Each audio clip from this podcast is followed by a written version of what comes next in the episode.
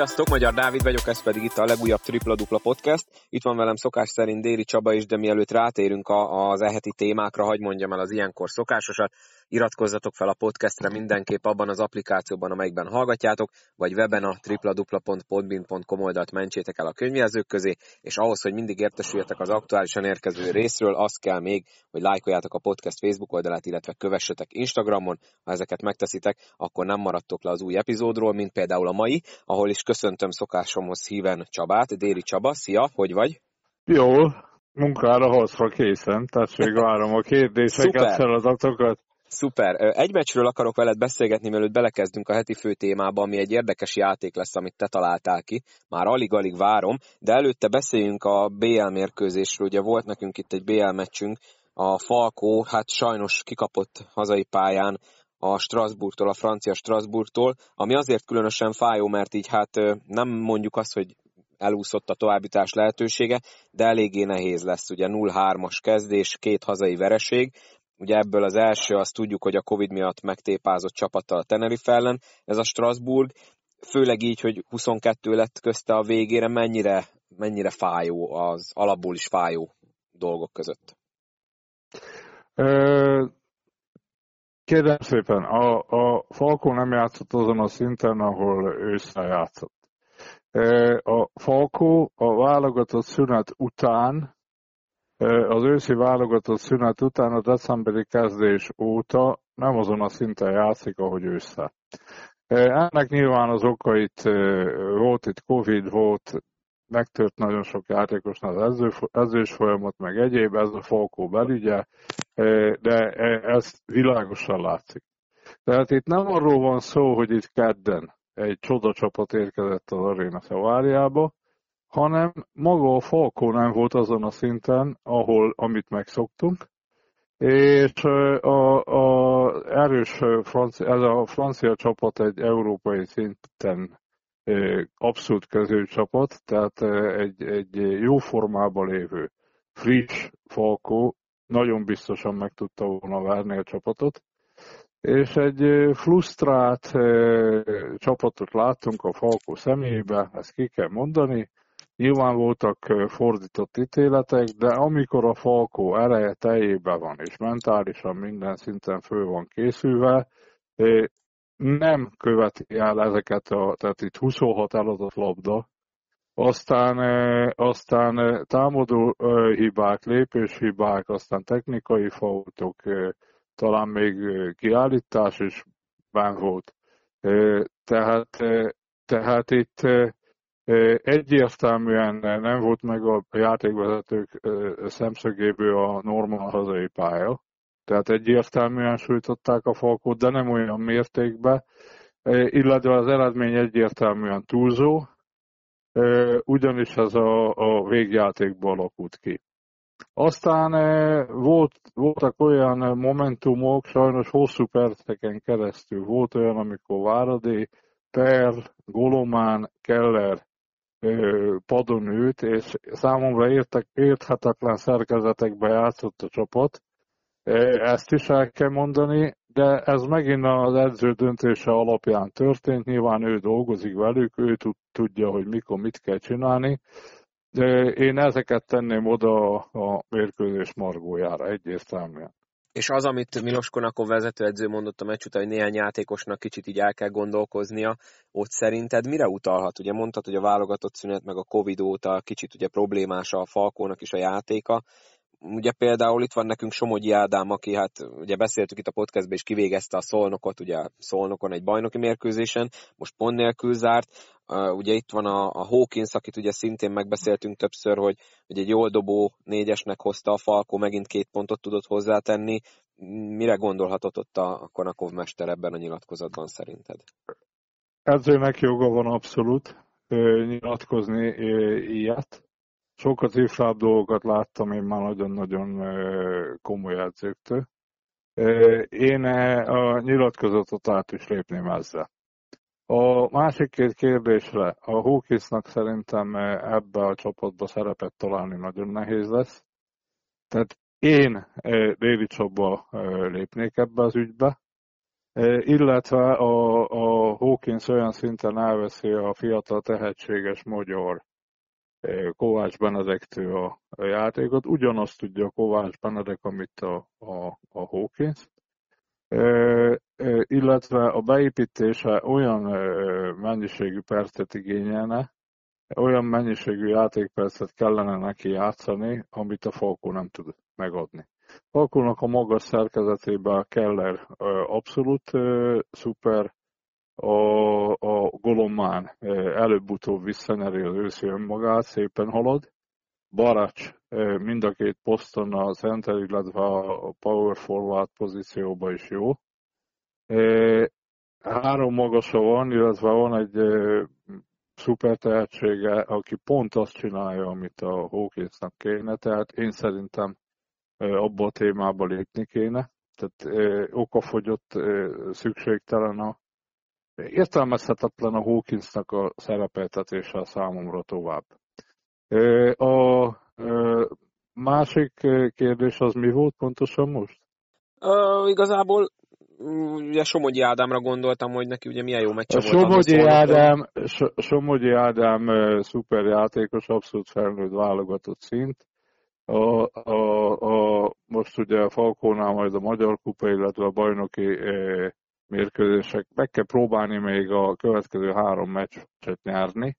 Ha még egy vereséggel szenved a nemzetköziben a Falkó, akkor egyértelműen rá kell koncentrálni a magyar bajnokikra ott pedig a Somogyi Ádámnak megvan a funkciója. Most csereként lépett pályára, szerintem későn, rossz szituációba érkezett, és, és, és lehet, hogy szombaton már megint 20 pontot fog dobni. Tehát ez, a nemzetközinek a rotációja, meg a magyar bajnokiknak a rotációja teljesen más a, a Falkó esetében is. Ennyit a Somogyiról. A Somogyi nagyon-nagyon jó játékos. Hát szerintem Higgyék akkor a... el nekem, a U23-as szabály nélkül is a Somogyi bármelyik magyar csapatba kezdő játékos és perdöntő játékos tud lenni, így a Falkóba is. Jó, szerintem Ennyit akkor a, igen, a Falkó BL-ét itt most uh, akkor lépjünk tovább, kár ezért a meccsért is. Eddig ugye mind a három mérkőzésen szerintem mondhatjuk, hogy volt reális győzelmi esélye a Falkónak. Az első, az első mérkőzésen egyértelműen a, a csapat motorja, a főpontszerzője a Perzoni nem játszott. Aztán ki kell mondani, hogy a Váradi Benedek a csapat szoftvere, és az edző meghosszabbított kezelpályán, mint egy játékos edzőként dolgozik, ő is hiányzott így is a, a, a Falkó szép teljesítményt hozott, illetve a többi játékos nem volt rendben.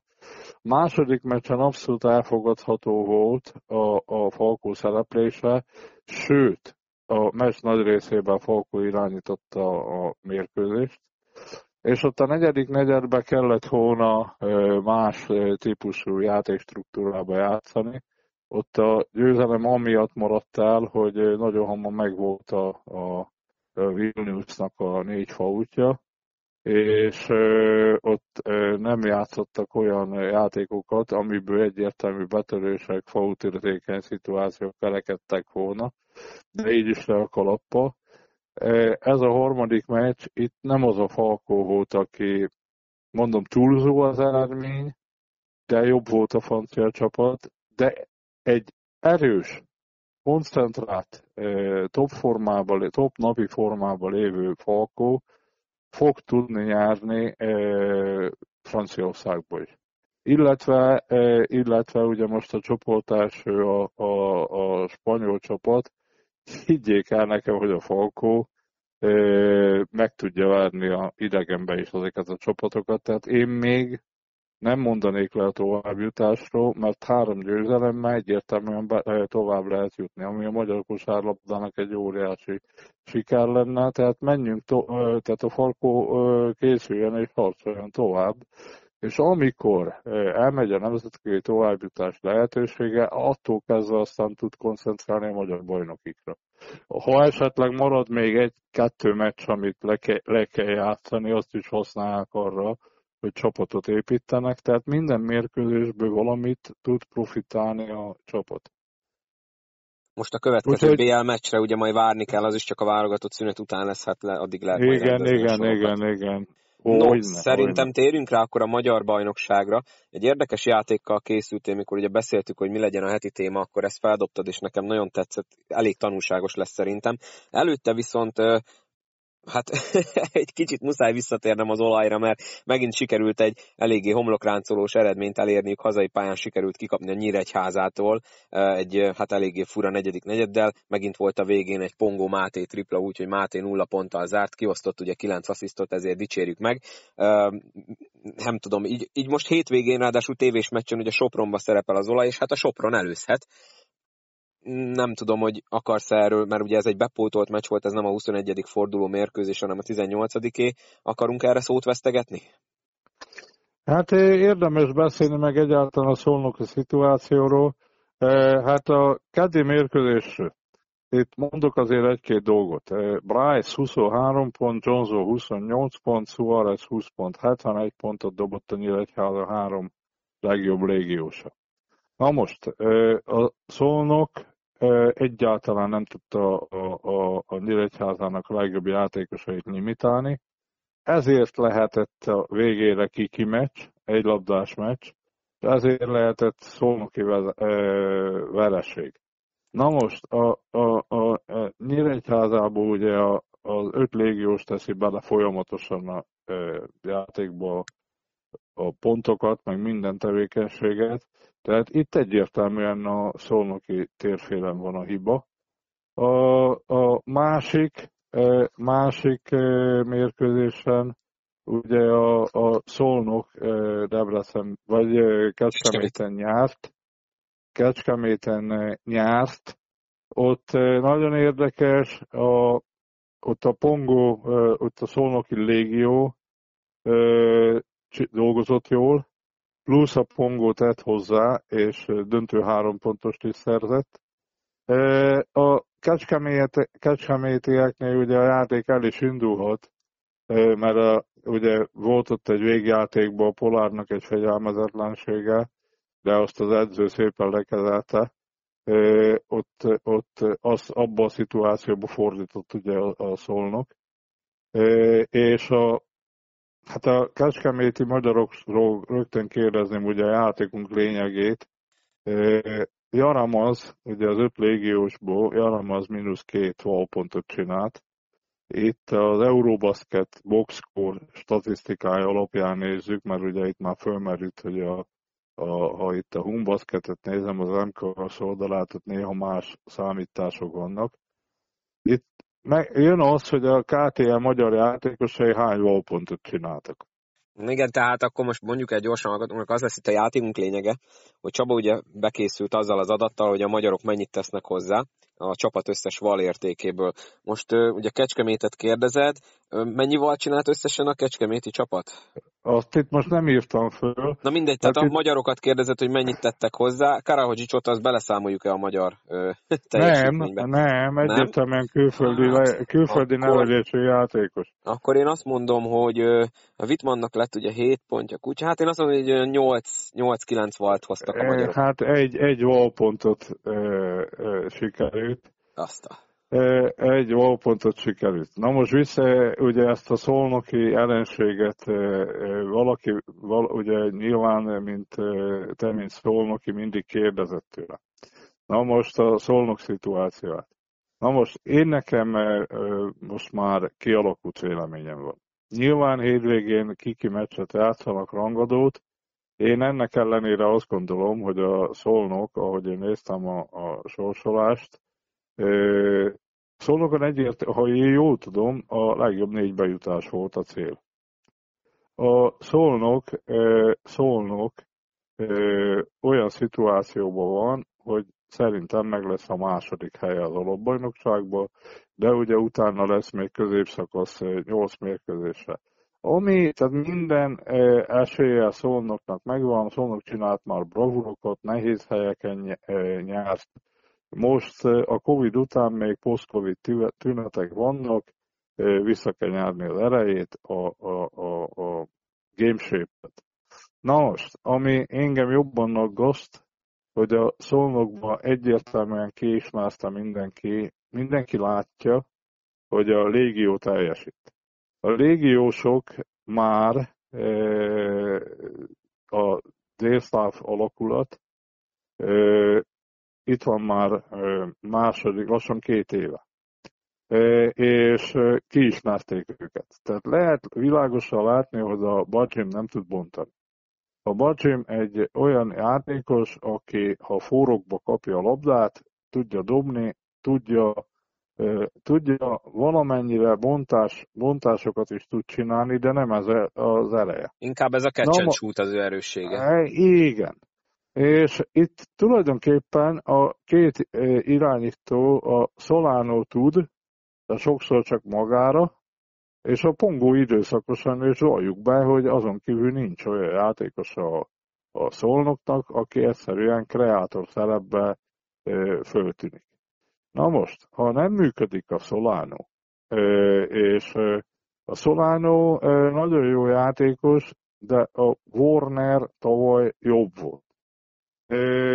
Vagy hatodik légióst kell hozni, aki egyértelműen bontó, vagy pedig a Solánót egyértelműen le kell cserélni, de akkor egy mindent eldöntő légiósra, de mivel, hogy akkor megint ugyanaz a szituáció lesz, hogy ha azt bármilyen baj éri, egyszerűen nem tudja fölbontani a szólnak az ellenfél védekezését, csak centereknek beadott labdából és egyéb, egyéb mozgásokból.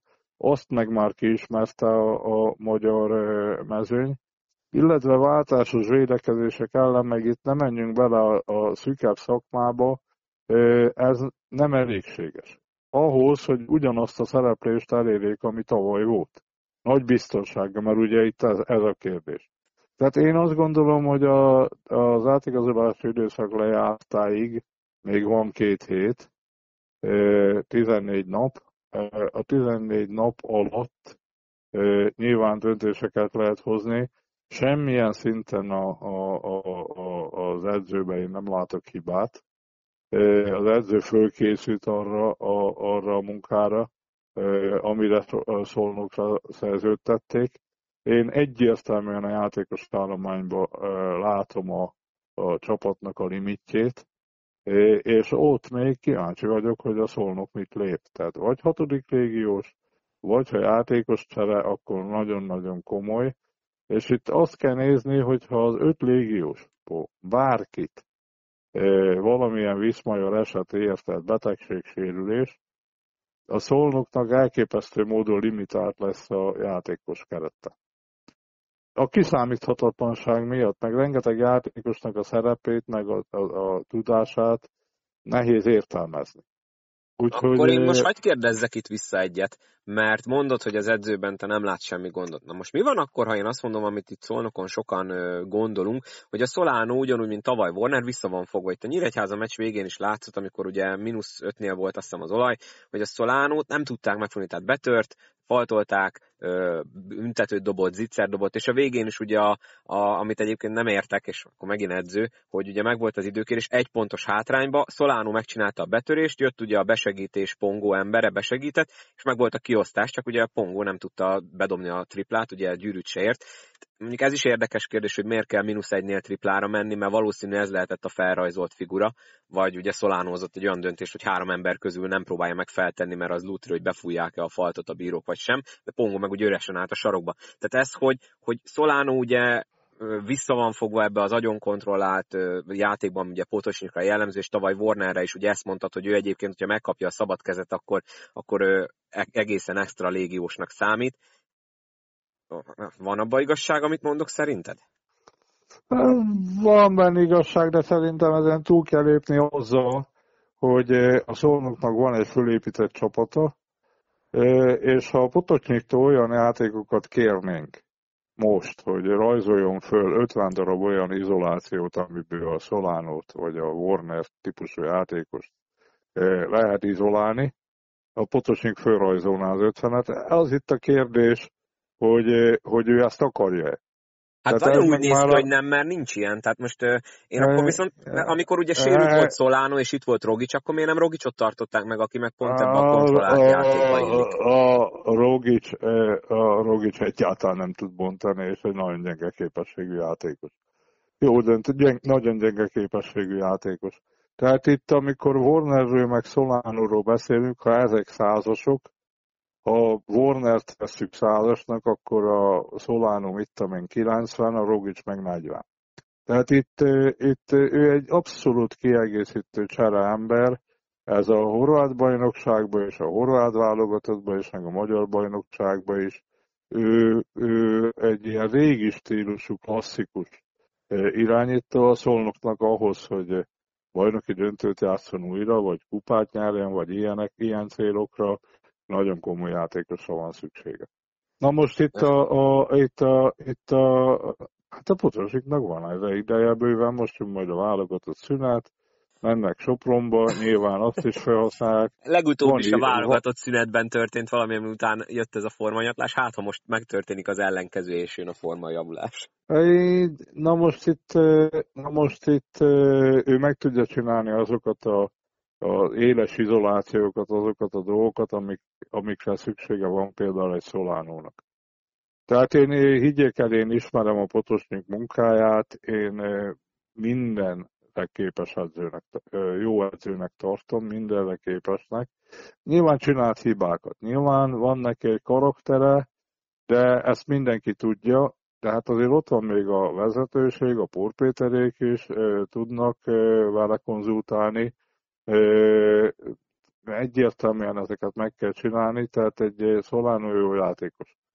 De Jó. ha, ha, ha arra gondolnak, hogy ö, én, én azért megvizsgálnám a hatodik légiós lehetőségét, mert annyi a feladat, annyi a mérkőzés, hogyha, ha, mert ugye itt három, három-négy hónapra kell igazolni még játékos. És uh, annyi a feladata a szolnoknak, és annyira kiszámíthat, értékes a magyar magja a szolnoknak, de annyira kiszámíthatatlan, hogy nem tudjuk, hogy mikor mi fog történni. Tehát ezért fölmerül, én nálam egyértelműen, ha vezető lennék, fölmerülne a hatodik légiós szerepe, és komoly játékos. Tehát nem csak ilyen kiegészítő ember, hanem komoly játékos. Na jó, szerintem hagyjuk a szolnokot, és akkor térjünk vissza erre a kis játékra, amit kitaláltál. Akkor beszéltük ugye a, a 21. fordulóból a Kecskemét magyarének a teljesítményét. Melyik a következő, amit így ki akarsz emelni? Hát van itt egy, oké, okay, van itt egy Albakomp uh, Sopron, uh, amiket elmondok én itt a, a meccsek kapcsolatban. Egy 80-83-ra uh, Soproni győzelemmel ért véget a mérkőzés.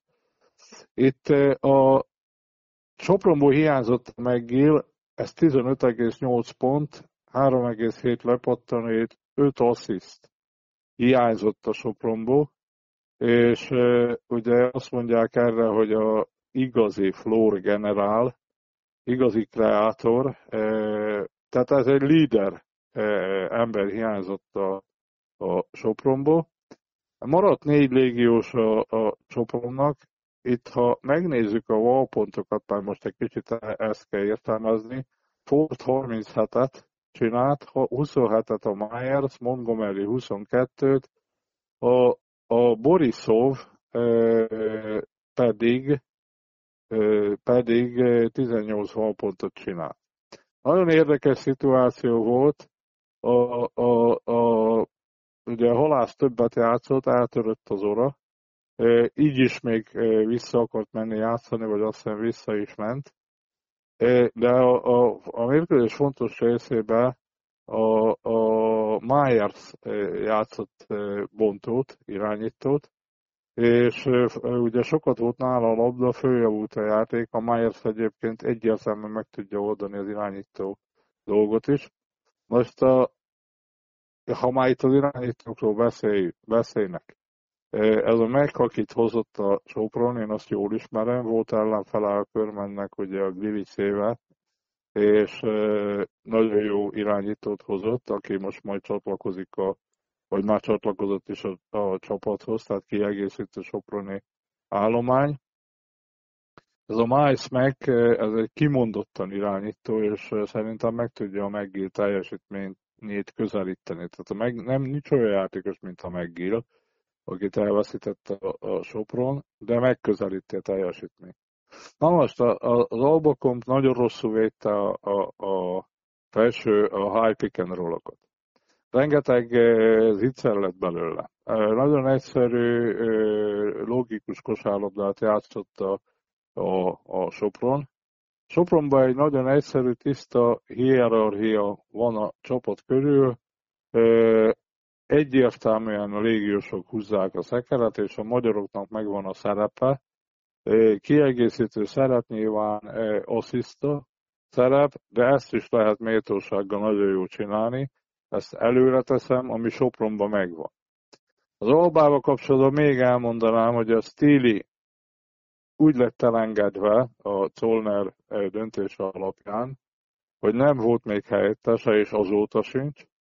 A Laksát én nem értem, hogy milyen edzői döntés alapján először limitálták, majd ugye fölbontották vele a szerződést, és a Lenzen Smith-t is ugye már a Zollner-féle adminisztráció hozta, illetve a, a Vojvodának ugye most dobott extrákat, a szerepét se látom az Albába teljesen.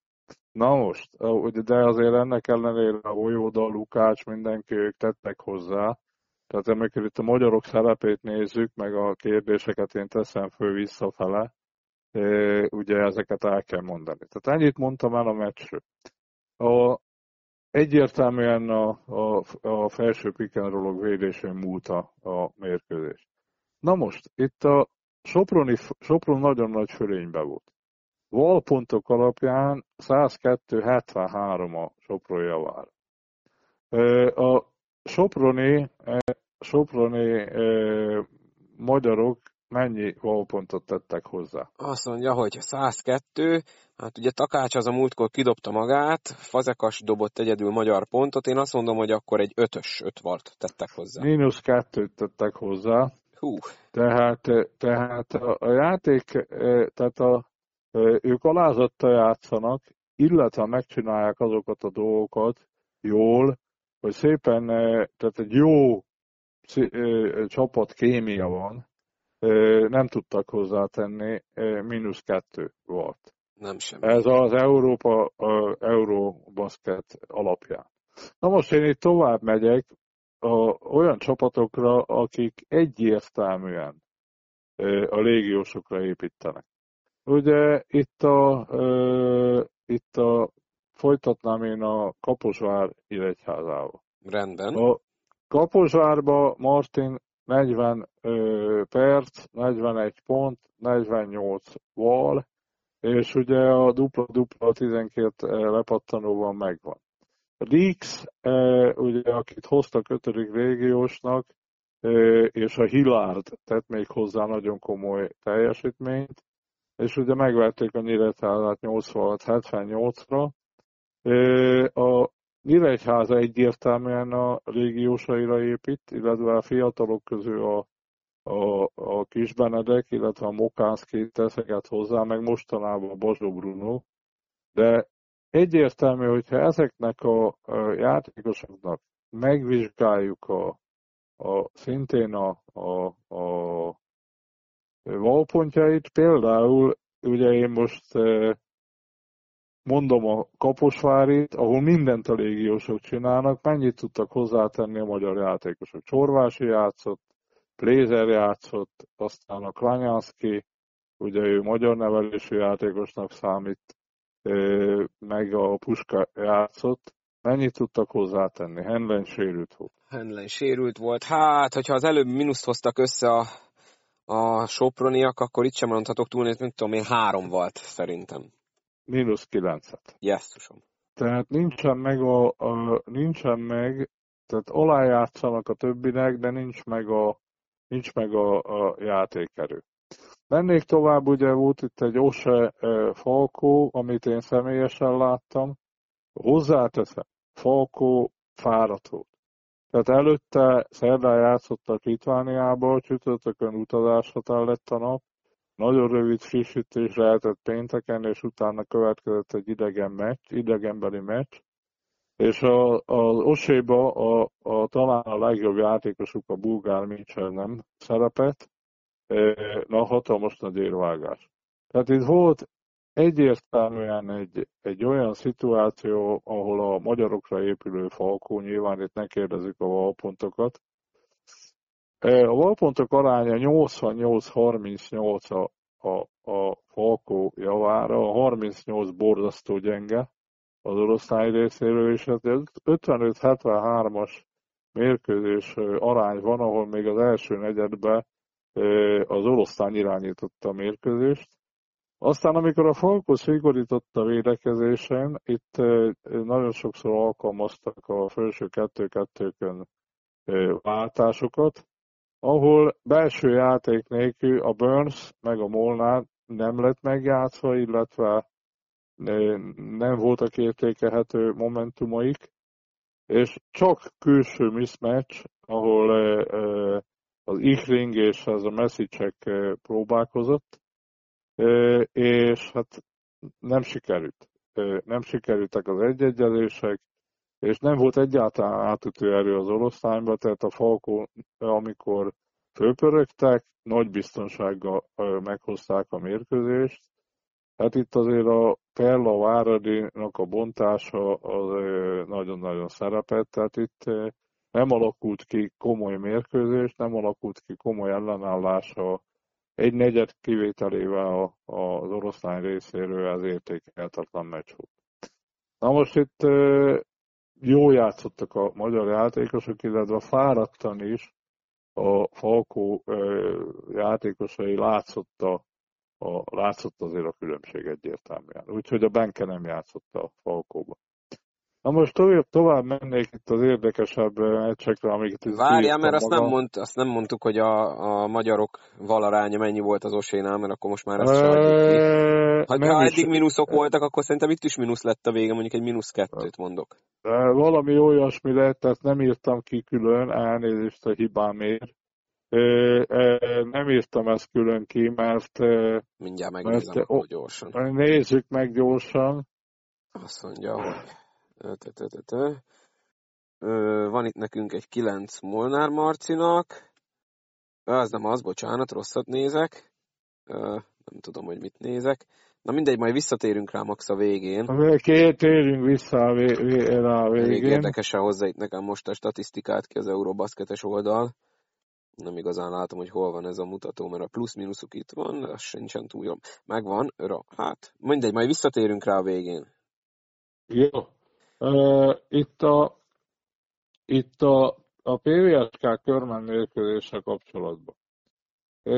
Hát ugye minden, én nagyon örülök annak például a PVSK becsületét ugye megmentette itt a fiatal magyarok közül a Meleg Gergő, aki 11 lepattanót szerzett, 7 pontot dobott, tett hozzá komolyan.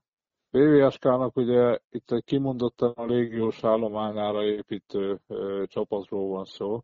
Na most uh, itt nagyon gyengén játszott a Haynes Jones, ugye mínusz egyet légiós, légiósként azt hiszem nulla teljesítményhez közelít hozott, és mínusz egy valpontot. Carpenter, aki érkezett, az egyelőre nem tett hozzá, szerintem egy olyan 20 perc körül játszott. Na most itt egy, egy PVSK, aki ugye a playout elkerüléséről, a, a bennmaradásért küzd. Itt nem, nem fog menni, hogy az öt légiósa nem játszik egyszerre jól. Na most itt nekik azt mindenképpen kell tudni biztosítani, hogy a légiósaik mindig alapok legyenek, és megfelelő teljesítményt ne menjenek egy szakmai minimum alá, és akkor mellé meg lehet találni azokat, mint ahogy például egy Sopronban soha nem játszanak rosszul a légiósok, vagy egy Nyíregyházán is van mindig kettő-három, sokszor négy is, amikor teljesít, és amellé megtalálni a magyar játékosok szerepét, szerintem ez egyértelmű. Na most itt a körment végig irányította a mérkőzést, a PVSK végén megközelítette a, a körmendet, de nem volt igazi igazi teljesítmény. Na most itt a körmentben a, a négy amerikai játékos. Ugye 90 valpontot csinált, a Savic mínusz hármat, tehát az öt légiósból úgy, hogy a Savic mínusz hármat csinált, a 90 amerikai val, ez döntő volt, amiből ugye itt a Stokes 32 pontot dobott, illetve 43 valpontot csinált, ez, ez brutális teljesítmény. A győzelem egyértelműen fő részese volt. Hát itt is sajnos pedig itt komoly magyar játékosok vannak, hát mínuszba ment a magyar valpontok, hát ugye akkor kérdésem, kérdésem megint mennyire. Hát ha mínuszba ment, akkor mondok egy mínusz hármat. Igen, annyi lett. Ö, annyi lett. Na most, ugye itt mindig elmondom, az utolsó 6-7 év körmendi, azért ez egy körmendi sikersztori. De még az én időmben is, amikor én voltam szakmai igazgató, vagy sportigazgató, vagy nem tudom mi volt a titulusom, minden esetben arra törekedtünk, hogy az öt légiós akár tudjon 100 pontot is dobni, ha kell. Illetve a játék minden elemét ugye néztük, amikor a légiós kontingens össze lett állítva, hogy a lepottanó, a védekezés, a bontás, az egyéb dolgok rendben legyenek, és ugye a körmennek azért voltak magyar játékosai is mindig jók, például a Ferenc Csaba, vagy például a Csorvási, vagy most azért a, a Mócsán, a tavaly a, de a Ferenc volt az állandó, és ha ők tettek hozzá bármilyen szinten a játékhoz, mindenki őrült nagyon. Tehát mindenki nagyon örült a, a magyar játékosok teljesítményének. Na most ők ettől többet tudnak, egyértelműen, meg szerintem már hétvégén az Albakon ellen többet is fognak csinálni. Csak mivel, hogy itt nézegettem a készülés közben itt a, a, a dolgokat, ezért mondtam el ezeket, a, azért ezek kicsit figyelemfőhívó volt, azért beszéltünk erről, hogy ebbe a podcastba azért erről beszéljünk. Na én tovább mennék az ETR Deacra. Megnéztem közben az osét, 5 pontot hoztak a magyarok. Na, tehát megint csak nincs. A, a, ugye a statisztika egyértelműen mutatja a dolgot. Tehát olyan szinten a Falkó és Falkó kivételével, olyan szinten a légiósokra van épülve a magyar bajnokság, ami elképesztő, és ahogy jönnek a nagyobb tétekkel bíró mérkőzések, egyre jobban ez így lesz, és ugye nyilván az edzéseken, meg az edzők, hát ugye az is mondjuk probléma, hogy 12 darab külföldi edzővel kezdődött a magyar bajnokság össze. Tehát a külföldi edzőknek egyértelmű a célja, hogy a legjobb játékost, őt nem érdekli, hogy fekete, fehér, magyar vagy ki, ő nyerni akar, mert egyértelműen úgy tud bemaradni a piacba, hogyha megnyeri a meccseket. Tehát olyan, amikor zömében magyar edzők dolgoztak, akik, akik éreztek valamiféle személyes felelősséget a, a magyar kosárlabda iránt. Régen meg ugye gyakorlatilag alig volt külföldi edző. Tehát azért ez egy elképesztő dominancia. Most már hála Istennek ugye Szegeden is magyar edző van, örülök neki, aztán Debrecenben is magyar edző van. De most már, ezt, most már második edzőváltás Debrecenben. Igen, hát azért ezt azért meg kéne vizsgálni. Meg egyáltalán én nem látom, hogy az U23-as szabály lenne a megoldás. Én szerintem az egy magyar a pályán az, az pont elég, elég. Mert úgyis a játékos, aki, aki fiatal játékos, aki kiharcolja a jogot, az úgyis játszik. Tehát, tehát én ezt, ezt gondolom, de ez egy hosszabb, ez egy külön podcastet megérne. Majd egyszer szerintem beiktatjuk. Na, mielőtt közbezavartam, melyiket? A Zalegerszeg vagy a Szeged meccsre akartál ugrani következőleg? ZTE Deac meccsre. Na, ZTE Deac. Hát a ZTE, ZTE a Deacot ugye ez egy elemeli a szétesett csapat volt. Ugye a Topics én elmondtam, hogy nem jut be. A Vovoras szerintem nem volt tisztában a magyar bajnoksággal, Topic se. Itt fölmerül a, a, a Mandicsék felelőssége, Ugye Mandis Pekli páros ott volt a Topics mellett is, ott volt a Vórasz mellett is, ott lesz a, a Mandics, akit nagyon-nagyon tisztelek, illetve mint játékos én a nem tudom milyen edzői képességekkel rendelkezik a Leklit, nagyon tiszteltem, de azért egy stáb méretkezik itt meg. Most elhullott két vezetőedző, most egy ismerős helyi aki már volt vezetőedző, illetve az akadémia főnöke Berényi Sándor fogja ezt a szezont megbízott edzőként befejezni. Én egyértelműen úgy érzem, hogy a, a, a, azért a Mandics Lekli páros is azért a felelősségből később majd osztozni kéne, mert nem az, az hogyha egy csapatnál tavasszal távozik a Kovács Adrián, ősszel a Topics, vízkereszt utána Órász, azért az ő felelősségük is fölmerül. Illetve a játékosok felelőssége is fölmerül, mert akármennyire nem fogadják el az edzőt, de azért ilyen nem fordulhat elő, ha már a valpontoknál tartunk, hogy fölgyorsítsam a dolgot.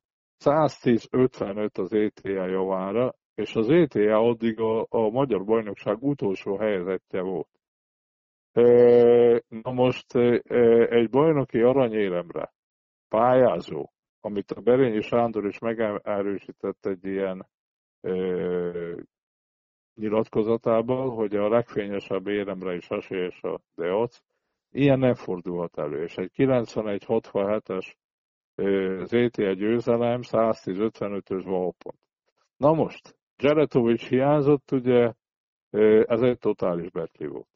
Nagyon helyesen lépett egyébként a vezetőség, edzőcsere, tehát ha itt, ha itt, illetve olyan emberhez nyújtak, aki ismeri a debreceni szituációt. A ZTE, ZTE 110 pontot ért el, ellenállás nélkül nagyon könnyű játékkal. Az öt amerikaia a 110 voltból mennyit ért el az ETL-nek, és mennyit a magyarok? Akkor legyen 108 és 2 a magyar. Igen, annyi, most már. Á, végre jól tippeltem. Oda a kép. Ja, és a, ugye én meg mondom, hogy az 55 valpontból mi nagyon kevés, a, a, a 8 magyar van a, az elsősorban azért a Tóth Államnak köszönhető a Debrecen, és a 47-et hoztak a régiósok. Tehát az etében megint csak egy óriási dominancia van, mint az egész magyar bajnokságban. Aztán a KTS szólnok, ami fő van ide írva, nekem arról már beszéltünk. És még a Szeged Paks van hátra, ha jól sejtem. Igen, és itt, és itt boldog vagyok, hogy, hogy elértem egy olyan, olyan szituációhoz, hogy meg tudjak dicsérni játékosokat. Gondolom Bognár Kristófra gondolsz elsősorban. Bognár Kristóf. Ő volt a heti takács, aki ugye múltkor a Sopronban nagyon jól játszott, most Bognár Kristóf volt, aki elkapta a fonalat ebbe a fordulóba, és menti akkor a magyar Bognár Kristóf, Bognár Kristóf és a Keller Iván 44 volt hoztak össze, 29-et a Kristóf, 15-et a Keller Iván, minden dicséret. Tehát 44, tehát lehet ezt, itt a Szeged négy légiósa, a Kuka Davis, két, két és a Persons. A Persons, tehát van itt is egy a döntéshozatalokba, tehát a bontásokba, illetve a, a, a, a elsődleges döntéshozatalokba. Van külföldi dominancia, de a Bognás Kristóf és a Keller Iván olyan intelligenciával játszott ezen a meccsen, csodálatos nézni, én szerintem beértek, a Bognár bármelyik, bármilyen szélére játszó magyar csapatba abszolút jó játékosnak számít, és a Keller Ivánt is minden, mindenféle gondolkodás nélkül én bárhova azonnal merném szerződtetni. Komoly játékosnak. Tehát egy nyolc emberes rotációval a Iván a Falkóba is, ami, amit azért egy nagyon komoly csapat, akár Champions League-be is. Tehát le, fölnőtt a szemünk láttára, még egy játékos, meg a Bognár ugye most már nagyon-nagyon hosszú idő óta bizonyítja a rátármettségét, tehát jár nekik a gratuláció. Itt egy olyan szintű ö, olyan szintű fölény volt a valpontok alapján, tehát egy 126-66 a, a, a, a szedeák javára, az hogy ez kivé, kivégzés volt, és a, a, a, a Aséban is van egy mínusz három valpont, ö, tehát a, a összkép egyértelműen ennek a hétvégi fordulónak, én nem mondom, hogy egy kicsikét a magyar kosárlabdának, amit a görbetükre, én nem mondok ilyen szavakat, de azért, ha már én mernék, merném a Konakov után szabadon, hát azért mindenki egy kicsit nézzen a tükörbe. Tehát itt elsősorban utánpótlás edzők, hogy 11 éve megy a, a, a edzői társadalom, 11 éve megy a, a TAUS rendszer, és hát minden a gyengébb a, a produkció. És, és az első a... osztályú edzők vesztik el a állásukat. Akik Igen, tehát egyértelmű az utánpótlásban történő 10-12 éves gyenge munka után egy olyan szabályt kell alkalmazni a Szalai Ferenc Bodnár Péter által vezetett MKOS-nek, vagy elnökségnek, akik teljesen jó szándékkal akarnak segíteni a magyar kosárlabdán, és abszolút nemes a, a szándékuk. Az elnökség szándéka teljesen nemes. De azzal, hogy a magyar klubvezetőket, átcsoportos klubvezetőket meg az alcsoportos edzőket azzal büntetjük, ezzel az U23-as szabálya büntetjük, és az utánpótlás edzőket senki nem vonja felelősségre, mit tudom én, 4 milliárd forint az álcsoportnak, a, amibe kerül az álcsoport, a felnőtt álcsoport, az MB1, magyar a MB1 álcsoport körülbelül.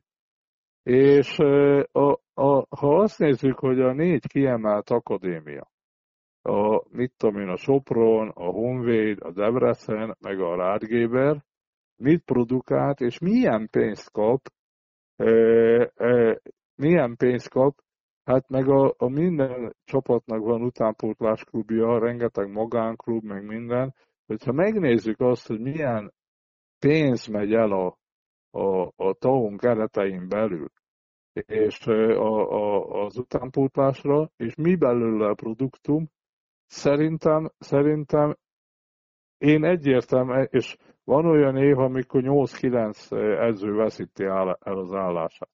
Átcsoportos edző. Hát most idén azt hiszem ezzel a Debrecenivel most 9 edzőcserénél tartunk. Ugye Debrecennél még, volt kettő, és még hát és még egy-két a helyen, helyen, igen. És hát még, még rezeket. Tehát ha egy 14-es alcsoportban kettő magyar edző van évelején, 12 külföldi, majd körülbelül 10 edzőt el fog fogyasztani ez, a, ez, a, ez az átcsoport, és az utánpótlás edzőket, több mint ezer utánpótlás edző dolgozik a, a magyar kosárlabdában, nem tudom hány utánpótlás klub, meg kiemelt akadémia, meg a e, emberi erőforrások minisztériuma alá az akadémia, egyszerűen gyenge a, gyenge gyenge a munka. Egyértelműen az utánpótlás edzői társadalmat terheli a felelősség, és ezek az administratív dolgokkal nem tudjuk, nem tudjuk, nem tudunk segíteni. Tehát egyértelműen az utánpótlás klubokba való munkának az auditálása, ellenőrzése, meg hatékonyabbá tétele egyértelműen csak ezzel lehet segíteni, és akkor 6-8 év múlva lesz bőven U20-as, 20, minden lesz, ha erősebb, precízebb munka lesz, és sokkal keményebb követelményrendszer. Tehát át kell lépni, igenis az utánpótlásba naponta át kell lépni a, a határokat. Tehát a komfortzónából minden nap ki kell lépni edzőnek, fiatal játékosnak, kicsi gyereknek, mindenkinek, annélkül nem lehet egy Premier Ligába játszani. Tehát ezt, ezt ki kell mondani, és hát a másik meg, amit még én hozzátennék itt, hogy olyan szinten az edzőkön van a felelősség, olyan szinten a külföldieken van a felelősség, a, a magyar bajnokságban, őket rúgják ki, külföldit fenyegetik folyamatosan, mert hiszen nincsen magyar piac. Tehát olyan, annyira kevés a magyar játékos, a bevethető magyar játékos, hát itt most, ha valaki majd évvégén csinál egy statisztikát, megvizsgálja, és még ugye a döntéshozatalokat ne is nézzük. Tehát mert teljesen kiegészítő szerepet csinálnak a nagyon sok klubban magyar játékosok, és ugye, ha valaki esetleg nem úgy csinálja a dolgát, hogy nem teljesít, nem lehet kirúgni egy magyar játékos, mert nincs piac. Tehát itt májusban már nem lesz szabad magyar játékos, úgyhogy, úgyhogy egy iszonyatos izgalmas téma, amivel ma foglalkoztunk. Hát bármilyen kérdést föltehetsz ezzel kapcsolatban, illetve azért ezeket a dolgokat nézzük azért majd tovább. Persze, mindenképp, ugye, te Én már, egyszer egy nagyon, te már egyszer egy nagyon frankó elemzést készítettél az 23-as játékosokról, ugye, hogy kik hogy tudtak megragadni. Ott annak is ugye volt azért egy kis, nem mondom, hogy visszhangja, de azért talán úgy sokaknak felnyitotta a szemét. Ez is egy nagyon érdekes téma, amit ma hoztál, ugye mennyire le, hát nem tudom, lehet így mondani, ledegradálódtak a magyar játékosok szerepei, meg ugye, hogy hát ez van, hogyha ugye a korábbi években se volt valószínűleg sokkal több jó magyar játékos, csak ugye ez egy nagyon extrém, illetve egy ilyen kirívó eset, hogy a Falkóba most így össze összpontosult a, ugye a válogatott szintű játékosok. Ugye ott van tulajdonképpen hat igen. válogatott játékos, tehát azért annak idején a szolnoki olajban sem volt ott a tízes években hat válogatott, hanem azért olyan három-négynél talán megálltak, ha jól emlékszem. Volt ott több is. Tehát azért, ha megnézzük a, a, a szolnokot megnézzük, azért volt ott, amikor 5-6 komoly játékos volt egyszerre ott. Tehát én emlékszem olyanra, amikor ott volt a, a Lórán Péter, ott volt a Báder, ott volt a, akkor magyarnak számító Tomiszláv Jósev, aztán ott volt még a Vojvoda, ott volt a Simon Balázs. Volt olyan év, amikor hét, a szolnoknak hét meghatározó magyar játékosa volt. Tehát a, a Szolnoknak már is volt ilyen, a Falkónál most van ez, hát a többi magyar csapat is, többi magyar csapatnak is kell birtokolni komoly játékosokat, mert hogyha nem, egyszerűen nem tudnak úgy versenyezni. Kérdés, hogy ezt majd hogy lehet elérni, mert gondolom azért most is nyilván a többi magyar csapat szeretett volna valaki jó meghatározó magyar igazolni, de hát hogyha a Falkónál van a, a, ugye a zseton meg a BL szereplés, akkor nyilván ezzel nehéz versenyezni. Szerinted az, hogy jövőre potenciálisan két magyar csapat lehet a BL-be, megbonthatja ezt, hogy, hogy esetleg mindenki majd a Falkóba akar menni? Most így ugye nyilván ezt erőteljesen idézőjelesbe teszem. Hát én szerintem én szerintem a szakmai hitelesség a döntő. Tehát a, a, azzal, hogy a Gásper Okon az utolsó három évben ő volt az edző, és az idén ő volt a szakmai igazgatója a csapatnak, egy szakmai hitelességet biztosított a, a, a csapatnak. Aztán a, a, a klubvezetés, a Falkos klubvezetés jó feltételeket biztosít, illetve én kimerem emelni a Gászer György személyét, tehát olyan nyugalmat biztosít a Gyuri bácsi a klub körül, az irodába, az öltözőbe, a pályán. És tehát volt egy szakmai hitelessége, van is a, a Falkónak. Még hogyha most Gásper Okon távozott is. Na most, és nagyon normális, de nem korlátlan anyagi lehetőséget biztosított a városvezetés. Ne felejtsük el, hogy az önkormányzati ö, csapat, ö, a, a Falko. És ugye a BL szereplés az meg, az meg rendkívül vonzó volt a, a, a, a stabil BL szereplés, mert a Falkónak jövőre is van egy szabad kártyája. Tehát ha a Falkó megnyeri a bajnokságot, vagy második lesz, ő neki szabad kártyája van, nem kell selejtezőt játszani. Most, a, aki a BL-be fog indulni másodikként a Falkó mellett, tehát ha valaki most megnyeri a bajnokságot, és ha az nem a Falkó lesz, annak selejtezőt kell játszani, és a Falkó akár másodikként is ö, rögtön csoportba fog kerülni. A selejtező az brutális nehéz lett. Ne felejtsük el, hogy a Falkó annak idején egy pontos összefűtéssel jutott tovább a Nagyvárad ellen, és a Nagyváradi Cseszemé ugye nagyon közel volt ott a bejutáshoz, nagyon erős csapat volt. De most már olyanokat kell kivárni a BL-be jutásba, mint a Treviso, meg hasonló erőt képviselő két meccs alapján csapatokat, szinte lehetetlen bekerülni. Tehát ez a Falkó malmára hajtja a vizet. A másik, hogy a FIBA kupába induló csapat, de viszont aki BL-ből kiesik, az indult a FIBA kupába. Tehát itt megjelenhet egy vetétás, illetve a FIBA kupába induló csapatoknak is, Lásd Szeged például, kellett selejtezőt játszani. Tehát ha elmegy egy játékos úgy, hogy akar játszani a FIBA kupába, olyan helyre, ahol selejtezőt kell játszani, láttuk, hogy egy Bundesliga csapatot kellett volna kivárni, a, a, egy nagyon erős Bundesliga csapatot kellett volna kivárni a szegediek.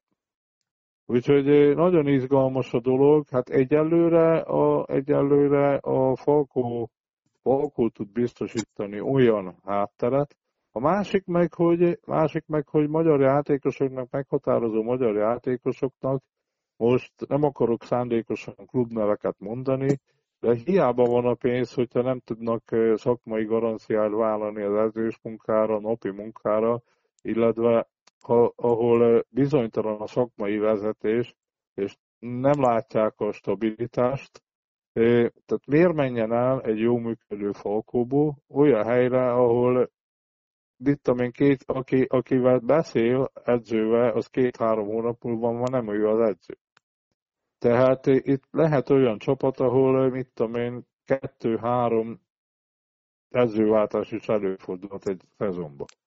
Tehát például a Falkónál azért a Gáspár Okon három évig ő volt a vezetőedző, majd ő lett a, a szakmai tanácsadó. Tehát ő oda tud állni, hogy itt rend, rend van a klubban, itt minden megvan, ami egy játékosnak, ami, amire, amire szüksége van. Tehát a folyamatossága, azért mondtam, a hitelesség szó merül föl döntően. Mhm.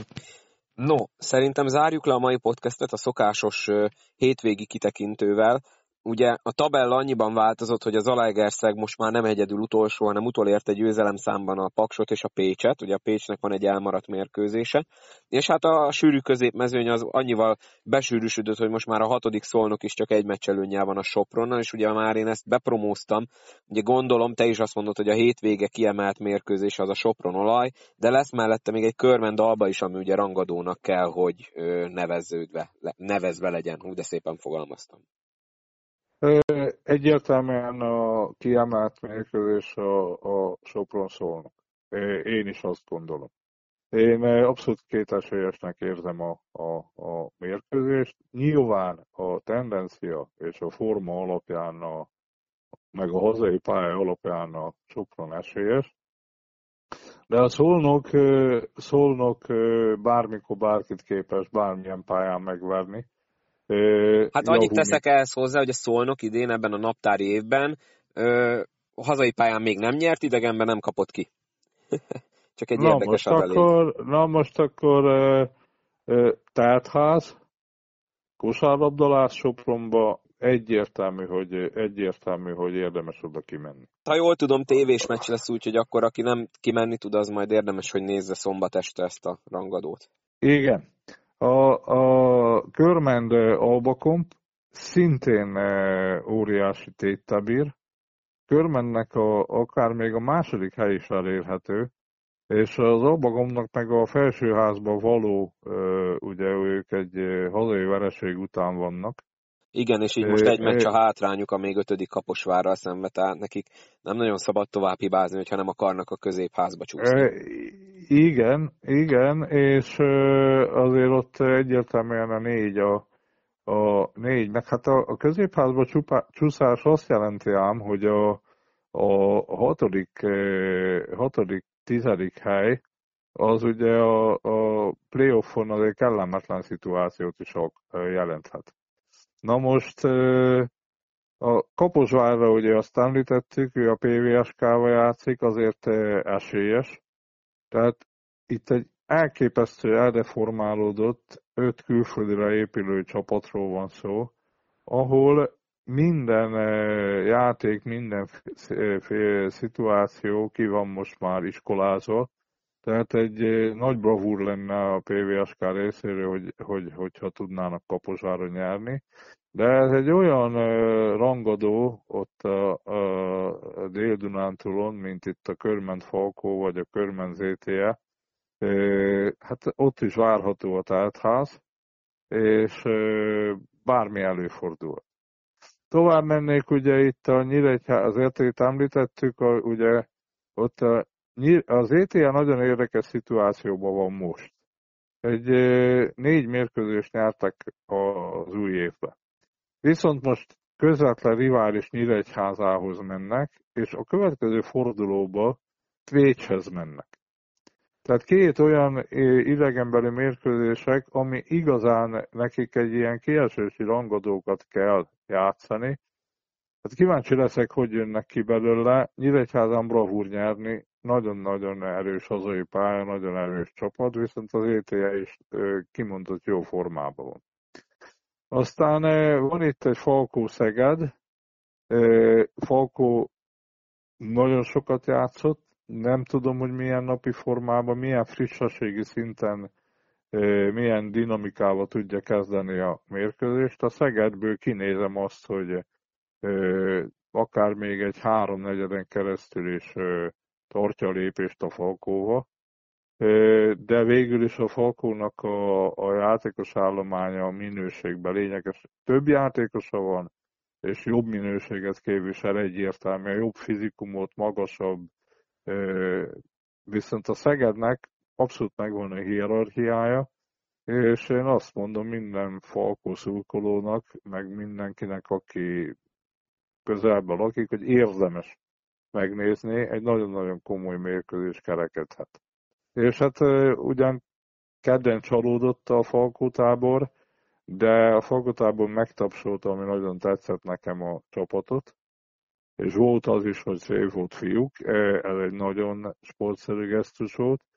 A keddi csalódást okozó vereség után egyértelműen megy tovább a kosárlabda, és Szegedi győzelem igenis egy értékes mérkőzés, értékes győzelemnek fog számítani.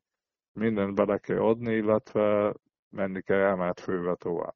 Egyről nem beszéltünk, a, a se KTE, hát az, a, az utolsó három-négy csapat szituációja a KTE-nek veszélybe került a középház, Egyértelműen ők azt tűzték ki évelei, hogy tízbe akarnak jutni, és itt a betegségek, sérülések meg egyéb miatt illene nyerni Pakson.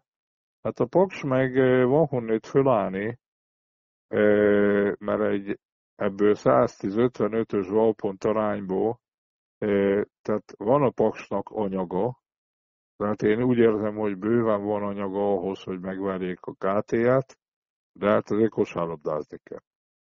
Csapatként és egyénileg is lényegesen többet kell beletenni a játékba. Ez a teljesítmény, amit most az utóbbi hetekben hoznak, ez kevés. Ott, is vannak problémáik nyilván, hiányzik az Erlingsfeld, a csapat egyértelműen vezére legjobb játékosa, beteg volt az edző, igen, igen, de, de amikor ilyen mérkőzések jönnek, itt magyarázkodásnak már helyen nincs. Tehát itt kosárlabdázni kell, még pedig nagyon komolyan. Ennyit tudok csak tanácsolni. Tehát ez rendkívül izgalmas hétvége jön. Még lesz egy meccsünk vasárnap is egyébként, egy vasárnap rácsúsz, mert ugye a Deac edzőváltás után az oroszlányt fogadja. Ott hogy is de, szerintem hogy főleg kíváncsiak lesznek a hazai csapat szurkolói, hogy sikerül-e valami változást érzékelni rögtön az első mérkőzésen a csere után. Hát itt az előző, az előző forduló két igazán gyenge csapata, tehát az oroszlán se lehet büszke az előző fordulóra, hát a Paks meg aztán vég, vagy a Debrecen meg végképp nem. Tehát nem is tudom, hogy ki volt, a, ki érdemelni a citromdíjat itt a, a, a, az ASE, a Deac, vagy éppen az oroszlány a múlt hétvégén, tehát most itt két két citromdíjas játszik egymással, de azért maradjunk annyiba, hogy az oroszlánynak is jobb anyaga, mint amit hétvégén mutatott. és a Deasznak meg főleg. Szóval azért, azért valószínű edzőváltás után meg akarják mutatni, illetve az új edzőnek, illetve magának az edző is tábnak. Hát én azért hívtam fel a Mándicsra meg a legfőbb felelősségére is a figyelmet, mert azért álljunk oda keményen, a, nem csak a, a Berényi Sanyi, hanem a másik két edző is felelősséggel tartozik, illetve a, fele, a vezetőknek azért jelezni kell nagyon határozottan a, a csapat fele, hogy azért itt hullanak az edzők, a játékosoknak kapják a fizetést. Tehát itt a felelősség, felelősséget nem mindig csak a vezetőedzőre kell, illetve a vezetőségnek kell lenni olyan tekintélyének, ami egyébként Debrecenben meg is van. Mert azért a becskék olyan hátteret biztosítanak a debreceni kosárlabdába, hogy jogosan várják el a csapattól a komoly teljesítményt. Tehát azért itt nem jó szolgálati tevékenységet végeznek a debreceni kosarosok, tehát nem társadalmi munkába játszanak, hanem nagyon-nagyon komoly feltételeket kaptak. Tehát ilyen, hogyha elhullik két edző, és már a harmadikat kell odaültetni, azért ott a játékosok felelőssége is nagyon erősen fölmerül.